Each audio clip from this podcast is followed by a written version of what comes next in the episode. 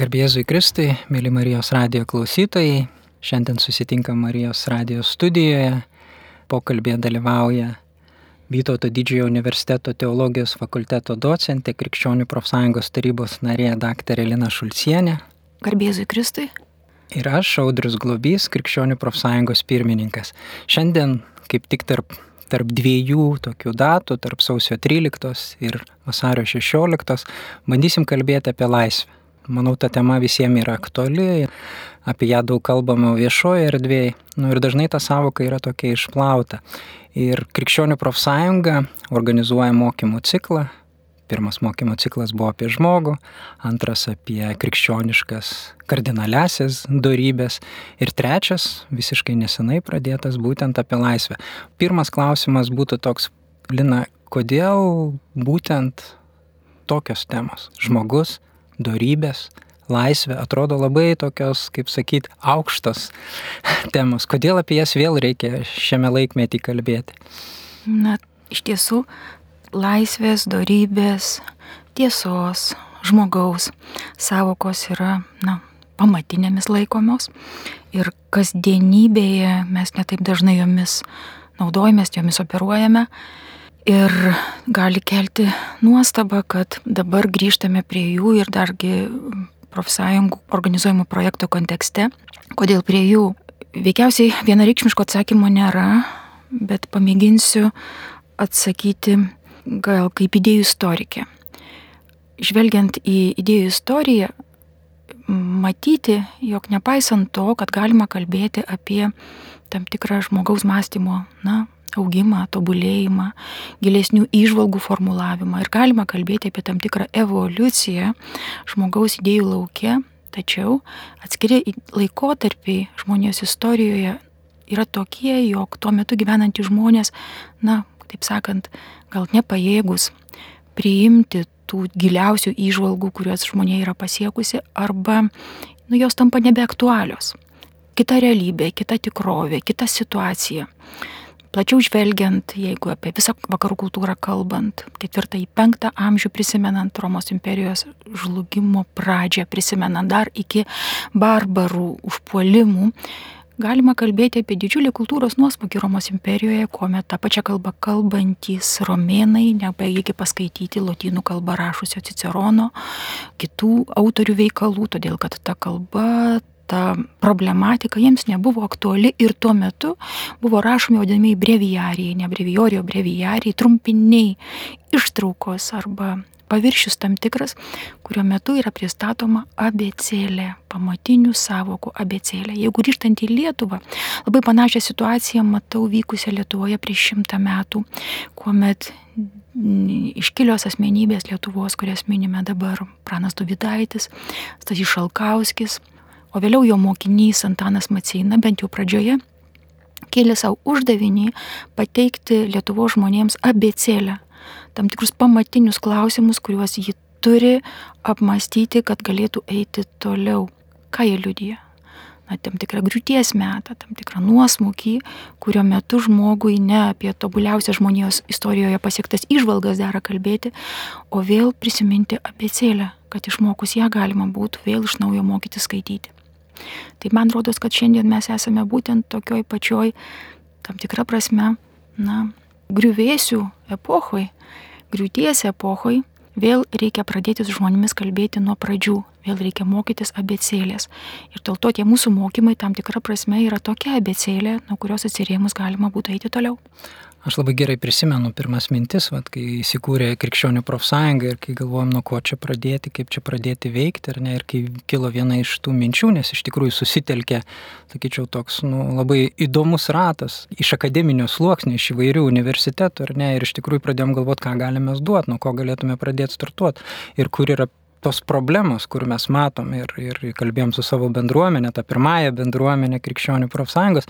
Ir iš tikrųjų aš irgi tada vat, pastebėjau, kad tikrai nu, ir, ir asmeniškai man, ir, ir, ir daugeliai bendražygių yra reikalinga tam tikra formacija. Ir aš net matyčiau, kad vat, būtent krikščionių profsąjunga savo veiklą pradeda nuo savo bendruomenės tam tikros formacijos. Vat, kaip jūs labai gražiai vardinot, nuo tų tokių principinių pamatinių dalykų, kas yra žmogus darybės laisvė.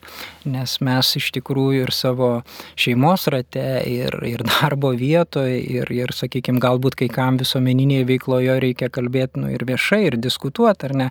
Tai nu, čia yra tam tikri tokie pagrindai. Ir vat, kaip jūs sakot, jie šiame laikmetyje pačios kultūros, vartotojiškos kultūros, ideologijų, ar ne, jie yra išplaunami.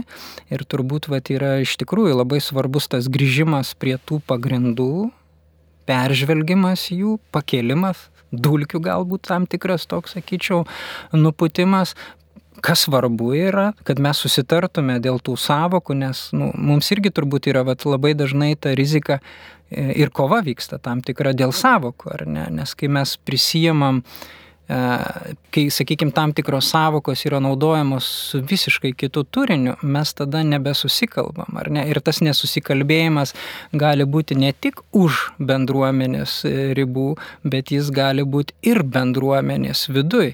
Tai turbūt va, yra toks nu, labai svarbu ir dėl to va, tos tokios temos yra žmogus, kas yra žmogus, labai tikrai, mėly Marijos radijo klausytojai, labai kviečiu na, pasižiūrėti internetinėme puslapyje www.krikščionys krikščionių profsąjunga.lt yra mokymų ugdymo, ugdymo dalyje ta programa, kur kalbėjo apie žmogų, buvo trim tokiais pjūviais, buvo paimta tai teologinis profesorius kunigas Kinkaitis, filosofinis, krikščioniškos filosofijos Lina Šulcienė, su kuria dabar ir kalbame, ir toks socialinis, politinis, sakyčiau, profesorius Alvidas Jokubaitis, po to darybių irgi visas keturias darybės. Na, va ir dabar nauja tema yra, kurią va irgi pradedam, bandam pristatyti, pažvelgti, tai laisvės. Irgi va, vienas pristatymas buvo profesoriaus Alvido Jokubaičio ir va visiškai nesenai keltas gerbiamos Linos mokymas. Dabar pabandykime sugrįžti prie laisvės temos. Mums, manau, yra reikalingas tas ugdymas ir, manau, tai išliekantis turinys, visada galima prie jo sugrįžti, bet vat, pati laisvės samprata, ar ne, jinai yra iš tikrųjų probleminė man atrodo. Ir labai svarbu susitarti, apie ką mes kalbam. Gal jūs trumpai galėtumėt tiesiog Marijos radio klausytojams apžvelgti, parodyti, vat, kuo skiriasi šiuo metu vyraujanti liberali, nes turbūt ta tokia liberali paradigma ar ne yra vyraujanti ir krikščioniška laisvės samprata. Ir kur mes čia esminiai skirtumai galbūt vat, tokie, kuriuos tikrai nu, labai sunku greitai įvardinti turbūt, bet toks pagrindiniai, sakykime, ar ne, ir, ir kur čia yra tam tikra prieštara, kur mes galim nesusikalbėti, o kur mes galim susikalbėti. Klausimas rimtas ir reikalauja laiko. Aš viliuosi, kad mūsų pokalbis taip plėtosis, kad aš pradžioje galbūt tokias, na, eskizą tokį nupiešiu, o po to mes gilinsim to eskizos dėmenis jau bendroj kalboj. Pradėsiu nuo to, jog laisvės savoka nėra viena reikšmė. Ji neturi vienos reikšmės. Ir dar neperinant prie polemikos tarp krikščioniškosios ir liberalizmo laisvės sampratos, bent keletą laisvės savokos reikšmių aptarsiu, kurias gali klausytojas kiekvienas, na, aptikti savo gyvenamojo aplinkoje. Pavyzdžiui, laisvė kaip darimas, ką noriu. Laisvė kaip paklusimas instinktyviems troškimams, instinktyviems norams, ką noriu, tą darau. Man patinka, tegul niekas manęs neriboja. Tai nu, tokią laisvę veikiausiai turi ir gyvūnėliai, nes jie, jeigu mes juos uždarome narvuose, tai mes jiems tokios laisvės nesuteikiame. Jie negali bėgioti, kuriems patinka. Ir veikiausiai žmogaus sėti su šita gyvūnėlių laisvė, nu, nederėtų. Dar laisvės samprata yra skiriama į tokią va, negatyvėją ir pozityvėją laisvės sampratą, vadinkim taip. Ir ta negatyvėja laisvės samprata, joje skiriami du dėmenys. Negatyvioji laisvė. Laisvė nuo fizinių materialinių kliūčių, kurios gali būti fizinės dėl savo negalės, arba materialinės, ekonominės dėl finansinių galimybių stygiaus, arba politinės dėl įstatymų situacijos, įstatyminės bazės ir gali būti intelektualinė ta laisvė. Tai laisvė, kuomet man niekas negali pasakyti, ką turėčiau daryti. Aš galėčiau toliau vardinti visą spektrą laisvės sampratų, bet dabar jau pats laikas sustoti, nes aš prieėjau kaip tik prie liberalizmui priskiriamos laisvės sampratos. Laisvės sampratos, pagal kurią niekas neturėtų man aiškinti ką aš turiu manyti, kaip aš turiu vertinti, ką aš turiu laikyti gėriu ar blogiu, kokią pasaulyje žiūrą pasirinkti, kaip aš, kokį gyvenimo projektą aš turėčiau pasirinkti. Niekas man neturi kištis man, jokia valstybinė institucija, jokia visuomeninė tvarka, jokia visuomeninė sąranga, niekas man, net, man kaip individui neturi teisės aiškinti tokių dalykų. Individo galiai, individo autarkiai, jo autonomiškam protui yra atiduota visiška laisvė spręsti šitame lauke. Kaip man patinka, taip aš gyvenu. Audrius sakė, kad šita laisvė yra išplitus šiandien, ji labai išplitus šiandien ir ji mumise visuose turi savo daigus, nes mes patys esame, na, nekartą pagavę save galvojant, kas man turi teisę ką nors aiškinti, kas man turi teisę ką nors pasakyti.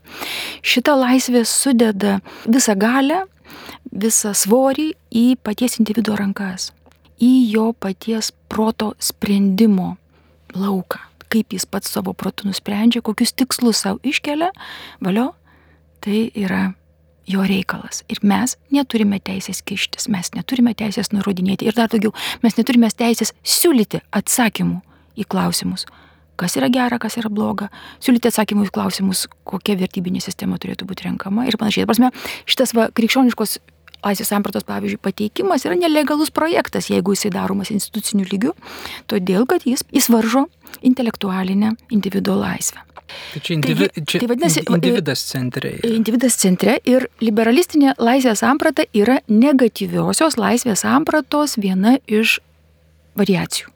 Vienas iš variantų. Dabar krikščioniškoji, jeigu mes prieinam prie jos ir kokie yra skirtumai. Yra panašumų, yra skirtumų. Man atrodo, net liberalistinė laisvės samprata savo šaknimis siekia tolimus laikus.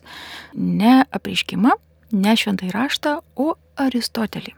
Ir jo mokymą apie žmogų kaip apie kauzą sui, apie buvimą savo paties priežastimi, savo paties veiksmų, sprendimų, savo paties judėjimo priežastimi. Beje, tokią pačią laisvę turi ir gyvūnai, tik tai jie sprendžia remdamėsi instinktų ir juda, veikia pasirenka savo judėjimo ir veikimo trajektorijas, o žmogus, jisai sprendžia remdamasis, bent jau dalį savo sprendimų priima remdamasis savo proto sprendimu. Tai va, liberalistinė laisvės samprata turi savo šaknis aristoteliniam mokymę apie tai, ką reiškia būti laisvu. Ir krikščioniška laisvės samprata šitą dėmenį turi. Ir ne tik turi, bet jinai jį susijo, bent jau kai kurie krikščionys autoriai, turiu galvoje Aleksandriečius, ankstyvosios krikščionybės atstovus ir personalistinės krikščioniškos antropologijos atstovus, tai čia jau, jau yra paskutiniai laikai, 19-20 amžius, būtent jie, kalbėdami apie žmogų kaip apie laisvą, jie laiko, kad va tokia sprendimo laisvę, pasirinkimo laisvę turinti būtybė, žmogus kaip tokia būtybė yra Dievo paveikslas. Labai įdomu, kad interpretuodami pradžios knygą, pirmą skyrių, 26-27 eilutę, Aleksandrijos garsiosios katechetinės mokyklos atstovai interpretuoja tą ištarmę, pradžioje Dievas žmogų sukūrė, kaip vyrą ir moterį sukūrė juos, jis sukūrė pagal savo paveikslą juos sukūrė, šitą imago dėjį, buvimą savo paveikslų idėją, jie interpretuoja kaip buvimą laisvų pasirinkti. Buvimą savo svarstymų valdžioje. Siracido knygoje rašoma, žmogus yra savo svarstymų valdžioje paliktas. Reiškia, būti Dievo paveikslu reiškia būti paliktam savo svarstymų valdžioje. Reiškia pačiam pagal savo sprendimą veikti. Vadinasi, žmogus nėra žaisliukas likimo rankose žmogus nėra kažkoks vienas iš lemties raidos aspektų. Žmogus nėra toks, kurį gali panardinti į priežasčių pasiekmių grandinės. Žmogus nėra absoliučiai paklūstantis determinizmo fundamentaliam dėsniui, kuris valdo visą gamtinę tikrovę. Ne, jisai turi savo sprendimo galę ir jis pagal tą sprendimo galę įgyvendina savo, į, savo gyvenimo trajektoriją. Eina savo gyvenimo trajektorijos keliu. Tai dabar kur yra skirtumai tarp krikščioniškos laisvės prasmės, tam tikras susikirtimas ir liberaliosios laisvės sampratos. Juk šitas dėmuo, vienas dėmuo, kad žmogus yra Dievo paveikslas ir dėl to, kas yra Dievo paveikslas, jis gali laisvai pasirinkti. Lyg, lyg tai mes kartojame tą patį, ką randame liberalizmo laisvės sampratoje. Bet krikščioniškoje mintyje yra kalbama ir apie antrąją laisvės sampratą. Laisvė, kuri yra aukštesnė, kuri yra tikroji. Pirmasis autorius, kuris pateikė šitą laisvės sampratos turinį, yra apaštalas Paulius kuris ir pirmajame laiške korintiečiams, ir antrajame laiške korintiečiams, ir laiške galatams kalba apie žmogų kaip pašauktą Dievo vaikų laisviai, Dievo vaikų šventumui. Ir tai yra tikroji laisvė. Jie yra laisvė, dėl kurios žmoguje įsikūrė viešpaties dvasia, dėl kurios žmogus tampa tikruoju Dievo vaiku. Šitą paštalo Pauliaus mintį jau pirmieji krikščionys - Irenėjus, Origenas, garsusis mokytojas, Nemesijus Amemezietis interpretuoja kaip buvimą Dievo panašumu.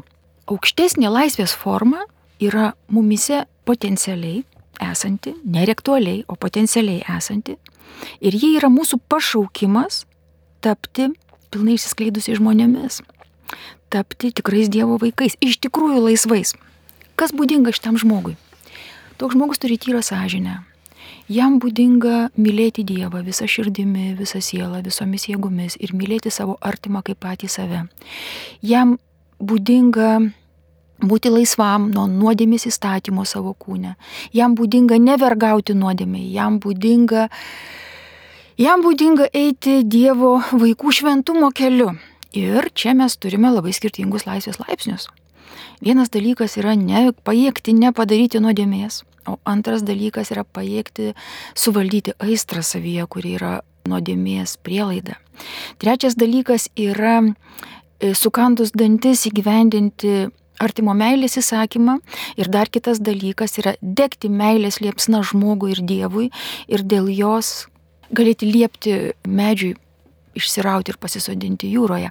Tai yra skirtingi laisvės laipsniai ir mes esame pašaukti į tą aukščiausią laisvę, kurią kaip krikščionys būdami na, mėginame puoselėti, aukti joje, dalyvauti joje vis didesniu laipsniu. Įdomu, ką rašo Grigalius Nisėtis. Toks žmogus, kuris pasiekia aukščiausią šios tikrosios laisvės pavydalą, toks žmogus yra toks, koks nori būti ir nori būti toks, koks yra tada jo artumas Kristui yra maksimalus. Jis ir tada pats laimingiausias. Jis yra labai gražus. Ir fizinė prasme pats gražiausias.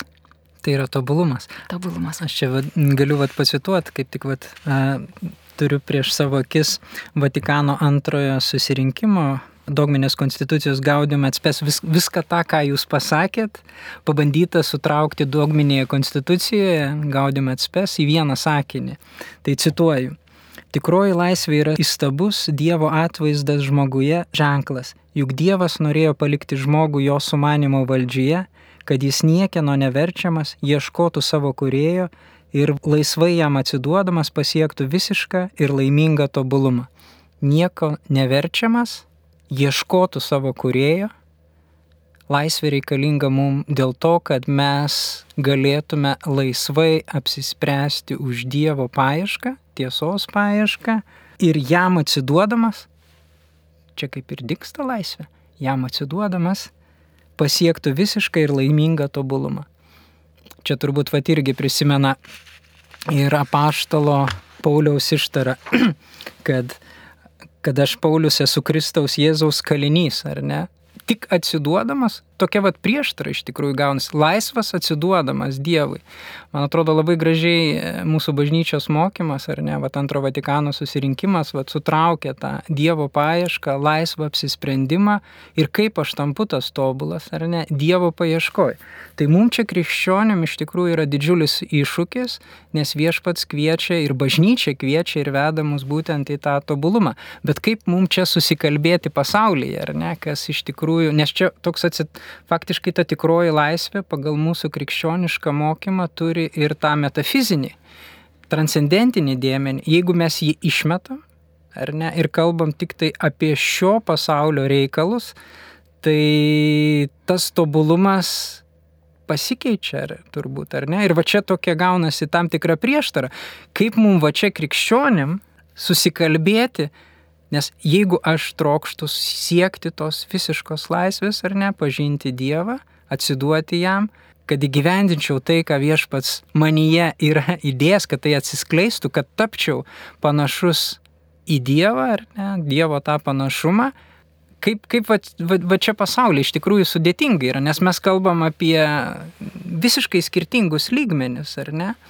Man tenka neretai išgirsti tokį klausimą iš studentų pusės. Kodėl krikščionys iškeldami tokį keistą laisvės supratimą patys savo norų nori atsisakyti didžiausios vertybės, kurią jie turi.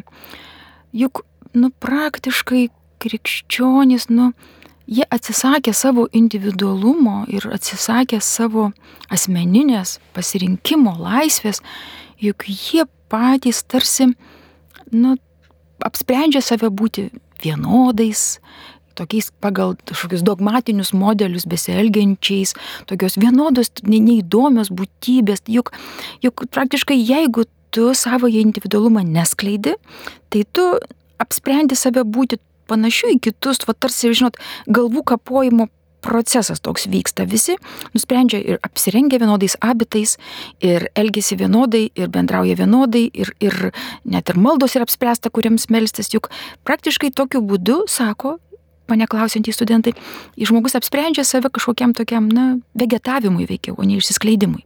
Bet kada paskui dėmesingiau studijuoji idėjų istoriją ir žmonijos istoriją, žiūri, kad tie vienodais abitais apsirengę vienuoliai buvo įspūdingo masto išskirtinės asmenybės. Na, kas gali būti bendro tarp Švento Pranciškaus, Asižiečio ir Švento Tomo Kviniečio? Kokios skirtingos figūros, va, šventoji mažoji Jėzus Teresėlė ir Teresė Vilietė. Vardas tas pats, o skirtingos galaktikos, mąstysena, individualumo mastas yra milžiniškas.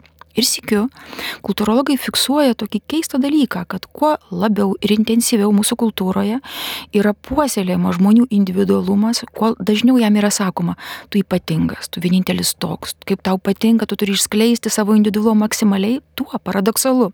Žmonės tampa visiškai vienodi vienodai kalba, vienodai masto, vienodai apstato savo būstus, vienodai rengiasi, vienodai reiškiasi ir pokalbiai, kurį be būrelį be užžengtum, visi vienodi, kalbėjimo būdai vienodi ir tas vienodumas yra ne tik vienos valstybės ribose, bet globaliaja prasme, kur be nuvažiuosi.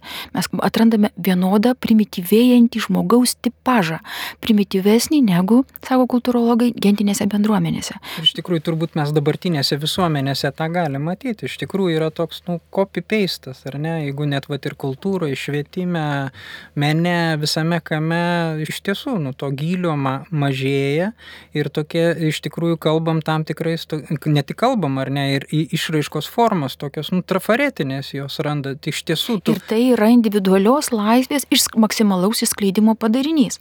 Ir keistas dalykas, kuo labiau tu puoselėjai individualią paties autarkinę, paties individuo laisvę, kuo labiau ją skleidi, tuo gauni pigesnį, seklesnį variantą. Laisvė yra slėpinys ir reikėtų pradėti nuo to. Laisvė yra slėpinys ir klusnumas, mėlyjei mano, irgi yra slėpinys. Ir jeigu va tokiam, va sakykime, tam va tokiam paprastam prigimtinio proto lygmenį gali svarstyti, tai klusnumas bet kurio atveju yra žmogaus apribojimas. Jo raiškos susiaurinimas, jo, jo išsiskleidimo sumenkinimas, sumažinimas. Tačiau va, tai yra jeigu mes save traktuojame kaip būtybės, kurios funkcionuoja tik prigimtiniam lygmenį.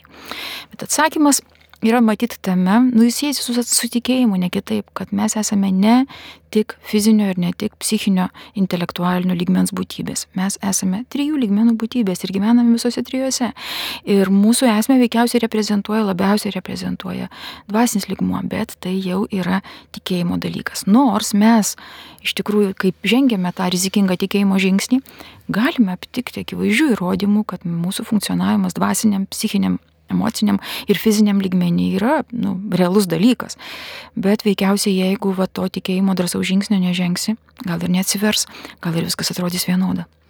Bet nu, tai iš tiesų tai laisvė turi tam tikras tokias ribas. Ir iš tikrųjų ta Dievo tvarka, ar ne, ta prigimtinis įstatymas, amžinasis įstatymas įrašytas mūsų prigimti, yra tam tikras Dievo tvarkos atspindys turbūt. Ir, ir mes kaip žmonės, būdami kūriniai, mes savo tą laisvę turim kažkaip tai riboti. Ir dabar yra tada klausimas, ar ne, pagal kokią tvarką mes gyvename. Va čia turbūt iškyla laisvės ir moralės klausimas, ar ne, va moralė. Nes liberalai ar ne? Čia vat, profesoriaus Alvido ir Jokubaičio buvo labai, labai gera paskaita, kuri yra mūsų irgi prof, profesinių sąjunga apie tai, kad iš tikrųjų e, liberalai turi politinę filosofiją, ne, bet jie neturi moralės. Moralė yra tarsi kiekvienas individas, laisvė perkeliama ir į moralės tam tikrą lygmenį, ar ne? O mes krikščionis remiamės moralę, kuri kyla iš apreiškimo, iš šventojo rašto, ar ne? Ir tai yra tam tikri rėmai, turbūt tam tikros ribos, kurios mums padeda suvaldyti ir mes klystam. Net ir sąžinėgi yra klystanti sąžinė. Atsakydama norėčiau vėl sugrįžti prie tų dviejų laisvės sampratų, apie kurias kalba krikščionybė. Pirmoji - žemesnė ir laisvė pasirinkti laisvė pasirinkti tarp arbatos ir kavos, tarp obolio ir kreušės, tarp Vilniaus ir Kauno, tarp šeiminio pašaukimo, šeimos pašaukimo ir kunigystės. Laisvė pasirinkti. Ir yra žemesnė, ir yra neprarandama. Ir šventas Kirilas Aleksandrietis, ir šventas Aurelius Augustinas sako, toliau plėtodami apaštalo Pauliaus, taip pat ir Irenėjaus bei Grigaliaus Nisiečio mintį, sako, kad aukštesnė laisvė, aukštesnė laisvė yra laisvė pasirinkti gėrį. Nepasirinkti tarp gėrio ir blogio, dėmesio, nepasirinkti tarp gėrio ir blogio. Tokios laisvės pasirinkti tarp gėrio ir blogio nėra. Todėl, kad gėrį, blogio nereikia rinktis. Atsisakyti blogio yra laisvė. Ir šitą antrąją laisvės rūšį net Šventas Augustinas, vadina libertas ad bonum, laisvė gėriui. Tik taip, laisvė gėriui. Ja galima, aišku, pervadinti laisvė Dievui, apsisprendimas už Dievą, ir tai neme klaidos nebus. Ir dabar atsakant jūsų audriaus klausimą. Va šita tikroji laisvė, tikroji laisvė, laisvė gėriui. Ar ji turi tam tikrus riboženklius? Ar ji yra visiškas neapibrieštumas? Ar ji yra visiškas tarsi žmogaus buvimas vakumą, kai galiu judėti visomis kryptimis. Ir galiu kurti bet kokius tikrovės modelius, bet kokias gėrio ir blogio savokų sistemas, bet kokius atskaitos taškus. Ne. Ne. Tiesa yra ta, kad mes nesame pirmosios pasaulyje gimusios būtybės ir ne mes šitą pasaulį sukūrėme. Mes atėjome į tikrovę, kuri turi savo tvarką. Dalykai yra pirma mūsų. Mes įžengėme į tikrovę, kuri yra ankstesnė už mus. Ir toje tikrovėje egzistuoja tvarka. Kaip protingos būtybės mes pajėgios tą tvarką atpažinti. Atpažinti tą tvarką nėra taip paprasta. Iš tiesų, jie yra reikalaujanti žmogaus aukti išmintyje, auginti savo pažinimo gebėjimą, kad atpažintum tos tvarkos dėmenis. Bet mes turime nuostabų dalyką. Mes turime ilgą žmogaus pastangų tradiciją mėginant įminti tikrovės paslaptis. Kokia tikrovė yra. Ir mes užkopę ant tų milžinų pečių dabar galime matyti toliau. Ir matyti aiškiau, ir matyti giliau. Šita žmogaus pastangų istorija yra statybinio pobūdžio. Vienų išvalgos tampa pamatų kitiems, kiti stoja ant tų pamatų ir kuria toliau. Aišku, šiandieninės tokios dažnos liberaliosios bangos ketina išdaužyti visus tuos pamatus ir pradėti statyti nuo pradžių. Na, nežinau, kiek tas eksperimentas yra naudingas. Idėjų istorija pateikia mums galybę pavyzdžių, kuomet ne dėl žmogaus kvailumo, o dėl susikloščiusių aplinkybių tie pamatai buvo išgriauti. Aš kaip idėjų istorikas matau tokius reiškinius. Dešimtas amžius, septintas amžius vakarų kultūroje buvo tokia duobė tokia, tokia visiška tuštuma, kuomet žmonės rankiojo trupinius iš to, kas liko po tais kultūros griuvėsiais ir vėl mėgino, mėgino statyti nuo pradžių. Ir va įdomus dalykas, 12-13 amžius, kuomet į vakarų pasaulį plūstelėjo arabų išsaugotas graikų kultūros palikimas, kurį iki 12 amžiaus vakarai, o kurio nebuvo gavę, ten Platono kelis veikalus tik turėjo daugiau nieko ir Sotrio neturėjo ir daugybės kitų tekstų neturėjo. Ir kada tas palikimas buvo atgautas, buvo stulbinantis evoliucinis šuolis intelektualinė prasme ir, ir tikrai buvo greituoju būdu užlipta ant milžinų pečių ir pamatyta tolyn ir platyn. Ir dėl to mes šiandien žinome šventą Tomą Akvinietį. O dėl ko jūs manot, mes jį žinom? Dėl to, kad jisai užlipo ant Aristotelio pečių. Iš ko dėl ko mes žinome šventą Bonaventūrą? Ar dėl to, kad jisai buvo pats iškiliausias mąstytojas viduramžių? Ne, priežastis yra ši. Ir dabar mes praktiškai esame raginami atlikti tą patį projektą, kurį atliko istorinės aplinkybės. Išdaužyti visus pamatus, Ir atsistoti vėl nuo pat pradžių, pradėti nuo savęs. Va, aš esu pasaulio alfa ir omega, pradžia ir pabaiga, kaip man atrodo. Ir va tam iš mano atrodymo aš galiu plėtoti tikrovę. Tai dabar aš vis dėlto norėčiau paraginti nedaryti tokių, tokių desperatiškų kultūrinių projektų ir remtis į tą įdirbį, kuris idėjų istorijoje buvo padarytas. Lipkim ant tų pečių. Būta klaidų, permastykim jas, bet negriaukim gal to, ko nedėra net ir greuti. Tai dabar ką mes turime, ką mes galime atpažinti užlipę ant tų pečių? Kokia yra tikrovės sąrangos tvarka, į kurią mes turėtume atsiremti. Ir pirmieji dalykai, kuriuos mes ten matome, yra tai, kad vis dėlto egzistuoja tam tikra moralės tvarka tam tikri stulpai, į kuriuos turėtumėm atsiremti. Ir laisvė, laisvės gale yra produktyvi, laisvės gale yra tikrai išskleidžianti, mumise glūdinti žmogiškumo potencialą tada ir tik tada, kai jinai remiasi į tuos, nu vadinkim taip, metafizinius pamatus, kuriuos žmogaus protas laikui bėgant pamažu pražiūra ir pamažu vis tiksliau ir taikliau ir giliau mėgina suformuoluoti atpažinti.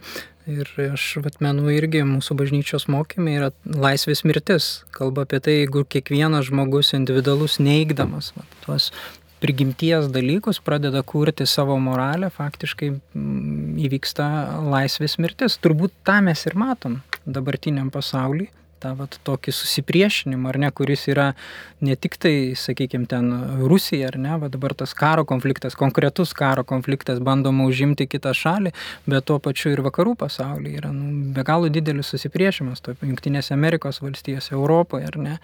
Nes kiekviena grupė pradeda kurti, visuomenės grupė kurti savo tam tikras moralės normas, ar ne? Ir, ir tai prieštarauja žmogaus prigimčiai ir iššaukia tam tikrą pasipriešinimą. Turbūt va, tas irgi yra toks svarbus dalykas.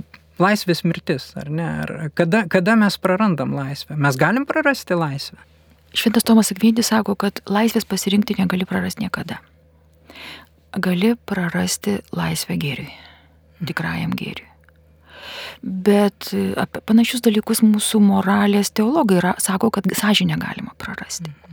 Kai žmogus pernelyg įklimpsta nuodėmiai ir jau nebeatpažįsta tikrovės, kokia jinai yra, jis nebejaučia jokio, jokio kuždėjimo vasios apie tai, kad tavo elgesys netitinka. Tikrovės tvarkos. Ar laisvė galima nužudyti, ar laisvė gali mirti? Dabar žiūrėkit. Laisvės lygmenys yra labai vairūs. Juk ar negali pavadinti kačiuko laisvės laisvę? Nu, laisvė, nu, darau, ką noriu. Nu, tai yra pats žemiausias laisvės lygmuo. Valgau šokoladą tonomis, kiek man telpa, nu, nes labai norisi. Nu, tai yra žemiausias laisvės lygmuo, darau, ką noriu. Ir mes patys galim matyti, kaip mes turime aukštesnį laisvės lygmenį, kuomet tą dėl, dėl tam tikro aukštesnio tikslo, protingo tikslo, aukštesnio protingo tikslo, aš na, susiaurinu, sumažinu savo instinktyvius norus arba jų iš vis nepaisau tai yra aukštesnis laisvės lygmuo. Tomas Knytis sakytų, nei paties žemiausio, nei to aukštesnio, protų vadovaujantis lygmens, laisvės lygmens tu nu, neprarasi. Tu gali iškelti savo protingą tikslą, subordinuoti visas savo jėgas gyvybinės tam tikslui pasiekti ir jo siekti. Gali paversti dykumą sodų. Gali pastatyti bažnyčią. Gali sukurti gerą įstatymą. Tai yra protingas tikslas, pažaboti instinktyvūs norai ir tu pasieki to protingo tikslo. Šito tu neprarasi. Ką tu gali prarasti? Tu gali prarasti dar aukštesnę laisvę. Laisvę, kuri siejasi su dvasiniu lygmeniu. Laisvė, kuri pražiūra tuos prigimtinius tikslus ir mato jų vertę. Ar tikrai visada reikia dykumą paversti sodu? Ar tikrai visada reikia statyti bažnyčias? Vaizduokit, pavyzdžiui, šiandien ukrainiečių kokiam šauna į galvą statyti bažnyčią. Labai gražus tikslas.